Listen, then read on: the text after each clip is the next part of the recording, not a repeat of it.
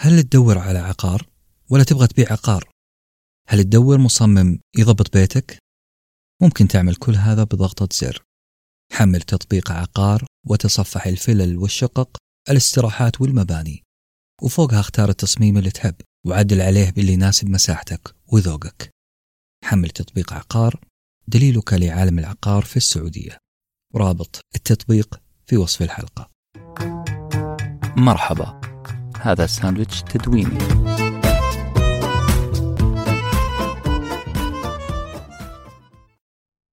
نظرية التبلد. مقتل العشرات في انفجار سيارة مفخخة وجرح مئة آخرين. طفل يموت جوعا ووفاة أربعة أشخاص وإصابة العديد في احتراق مستشفى. بالصور امرأة تعذب طفلا بطريقة متوحشة تفوق الوصف هل مرت عليكم مثل هذه الأخبار؟ طيب كيف كانت ردة فعلك؟ هل سمعت أو قرأت مثل هذه الأخبار وانت حاط رجل على رجل وبتشرب قهوتك عادي؟ هل سألت نفسك ليه الكوارث ما عاد تهز فينا شعرة؟ هل تقلب في timeline تويتر ويمر عليك خبر تعذيب قطة أو ضرب متوحش لفتاة على يد صديقها ثم وبلا مبالاة تناولت برجرك المفضل مع أصدقائك المرحين؟ هل تبلدنا حسيا ومعنويا؟ هل تبلدنا من كثرة مشاهدة مناظر التعدي والتعذيب وصرنا نتقبل عادي أخبار الكوارث؟ ولا أنا قاعد أبالغ في كلامي؟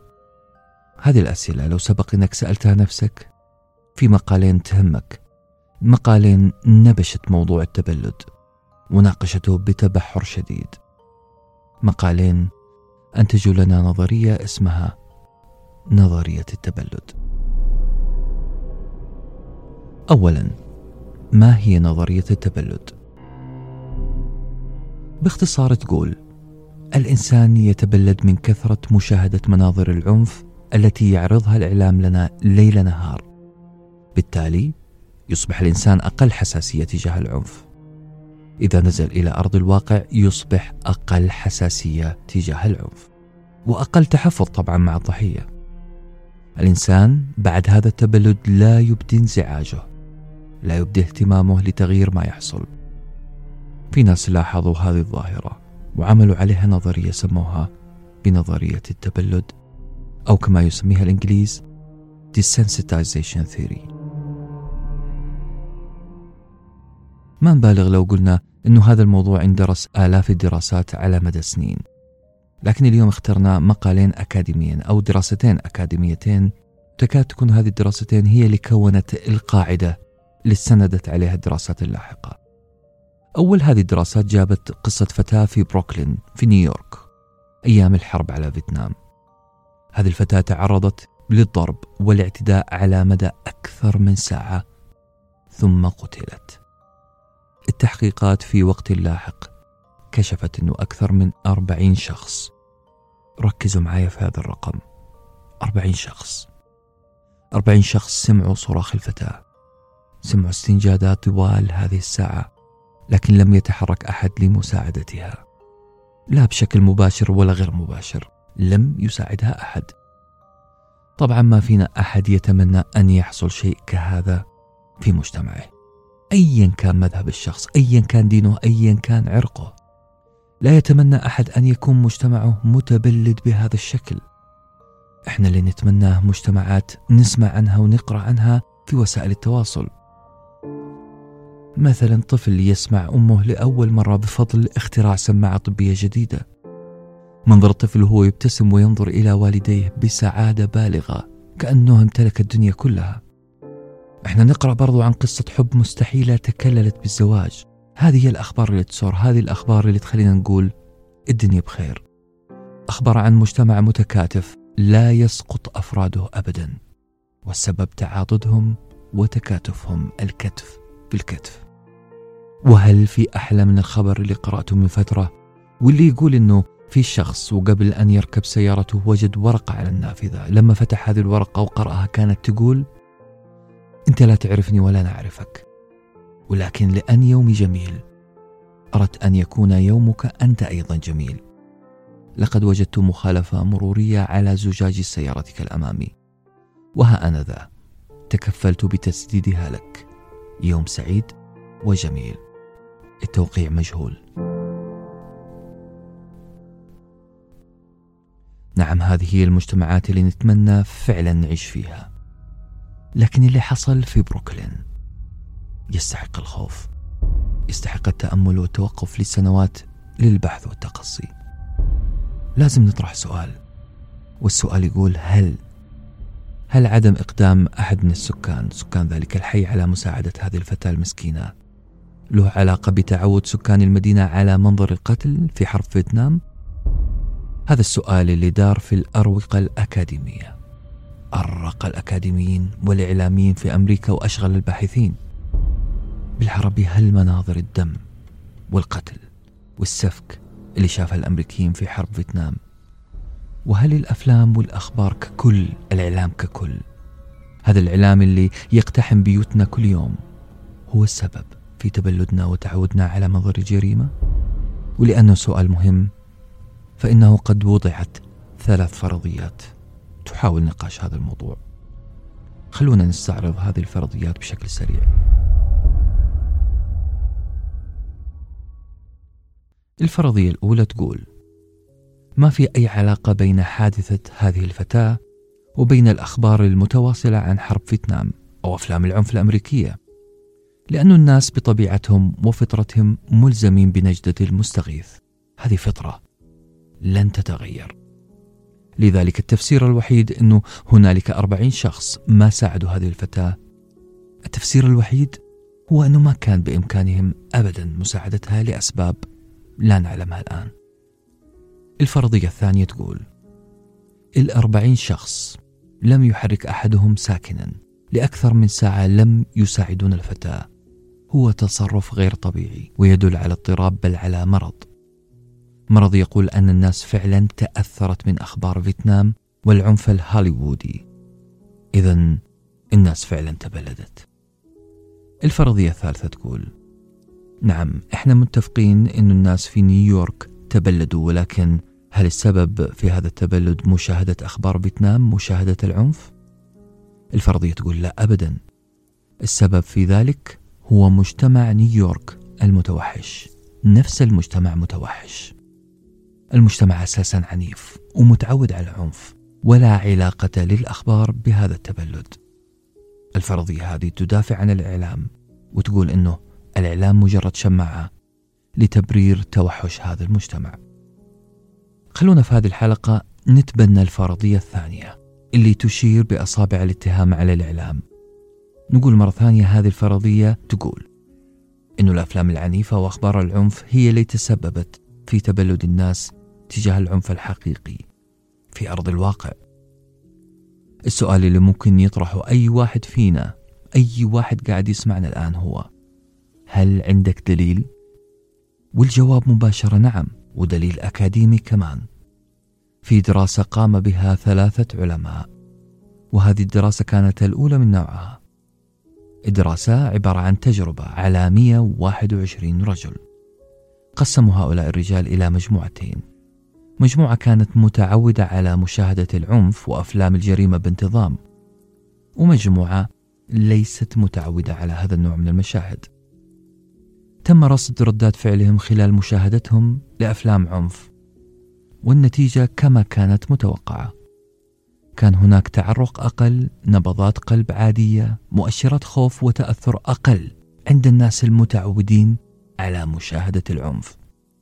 يعني الراجل يتفرج على مشاهد العنف بدون ما تتحرك أعضاؤه بدون نبضات أعلى بدون خوف بدون أدرينالين.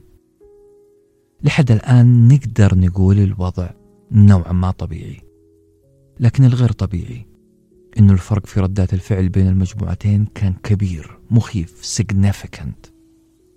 التفسير اللي طلعت به هذه الدراسة إنه المجموعة الأولى تحولوا إلى ما يشبه الجمادات. كان تبلد مرضي ومخيف الدراسة الثانية اللي تدعم الفرضية اللي تبنيناها قام بها باحثين عملوا تجربة على عدة أشخاص بهدف قياس مدى تبلدهم العاطفي تجاه العنف الجنسي ضد المرأة. العينة تفرجت على مشاهد عنف جنسي ضد المرأة لمدة ثلاثة أيام. الباحثين وجدوا أن العينة اللي كانت في بداية الأيام تنظر للضحايا في هذه المشاهد بنظرة شفقة بدأوا ينظرون بشفقة أقل. بدأوا يصفون جروح الضحايا بأنها ليست بتلك الحدة وأن آلامهم ليست بتلك الشدة. أوكي، انتهت التجربة وراحت العينة بيوتها وبعدها بخمس أيام أعادوا التجربة مرة أخرى على نفس العينة وجدوا بأن التعاطف لدى هؤلاء يعود إلى مستواه الطبيعي يعني يعني التبلد خف شوية. وهذا خبر كويس لكن الباحثين ما تركونا مرتاحين وكتبوا جملة مهمة في هذه الدراسة قائلين الأدلة اللي قدمناها تؤكد أن التبلد الناشئ بسبب مشاهدة أفلام العنف أو مشاهد العنف يضعف بعد خمسة أيام من زوال المؤثر. إذا زالت المشاهد العنيفة خف التبلد ورجع التعاطف. لكننا لا نعلم هل لهذه المشاهد أثر بعيد المدى على الناس أم لا. عارفين إيش معنى هذا الكلام؟ معناه أن التعرض المستمر للعنف حتى لو كان متقطع وعلى فترات بعيدة ممكن ممكن يجعل الأثر أثر هذا العنف تراكمي ليصبح الإنسان متبلدا بشكل أسرع وأقوى بسبب هذه التراكمية. الأدهى والأمر. إنه معظم الأفلام المعروضة علينا في الساحة تربط بين العنف والمرأة. بالأصح الأفلام تركز دائما على فتاة تحت الدش أو فتاة بملابس سهرة مثيرة. بالعربي مشهد يثير الغرائز الجنسية. ثم وبشكل متتابع متتالي يأتي مشهد اعتداء جنسي. هذه التراتبية هي المشكلة. التراتبية بين الغريزة والعنف. هذا التراتبية أصبحت مألوفة لدينا كأنها عملية تطبيع. هذا التحول السريع من مشهد إثارة إلى مشهد تعذيب قاعد يترسخ في عقلنا الباطن. تحول سريع ومخيف. للأسف التبلد للعنف والربط بين الجنس والعنف صار صناعة وصناعة متقنة كمان. الآن في سؤال مهم لازم نسأله هل التبلد مفيد؟ سؤال جميل إحنا من أول الحلقة ونحن نذم ونشتم ونغتاب في هذا التبلد لكن هل له آثار إيجابية؟ واحدة من المقالتين كانت تقول نعم في جلسات اسمها جلسات التبلد المنهجي وهي جلسات علاجية تحت إشراف متخصص يتم خلالها تعريض المريض تدريجيا لمواقف مثيرة للقلق تدريجيا هذا المريض أو هذا المضطرب أو هذا الشخص اللي يعاني راح يبدأ تدريجيا بالتبلد العاطفي تجاه مصدر القلق ويتشافى يعني التبلد له أثر إيجابي ولكن السؤال التالي مهم هل تجد في متابعة أفلام العنف أي ميزة؟ هل هو مفيد لك عشان تقدر تعيش في محيط من الأخبار المأساوية في الإعلام؟ هل تجدها ظاهرة صحية أنك تتفرج على التلفزيون وتسمع الأخبار؟ أخبار سيئة لكنك لا تتأثر؟ هل هذه ميزة ولا هي عيب وابتعاد عن فطرة إنسانية مليئة بالشفقة والتعاطف؟ وهل لازم ننتبه لمقدار العنف الذي يعرض لنا كل يوم؟ وكم هو المقدار المناسب للمشاهد؟ اللي ما تخلينا نتبلد. تبلد سلبي. كم هو المقدار المناسب للمشاهد اللي كمان يساعدنا أن نقوي مناعتنا ضد الخوف والقلق أعتقد هذا النوع من الأسئلة ضروري نجاوبه وأعتقد أن اطلاعكم على هذه الدراستين راح يضيف لكم معلومات عامة مهمة وراح يضيف للمهتمين بهذا الموضوع قاعدة قوية ممكن الانطلاق منها لبناء دراسة عربية هي الأولى من نوعها. راح نترك لكم عناوين هذه المقالات على منصاتنا. ودمتم في أمان وتوازن عاطفي يضمن لكم السعادة والقوة. وفي أمان الله.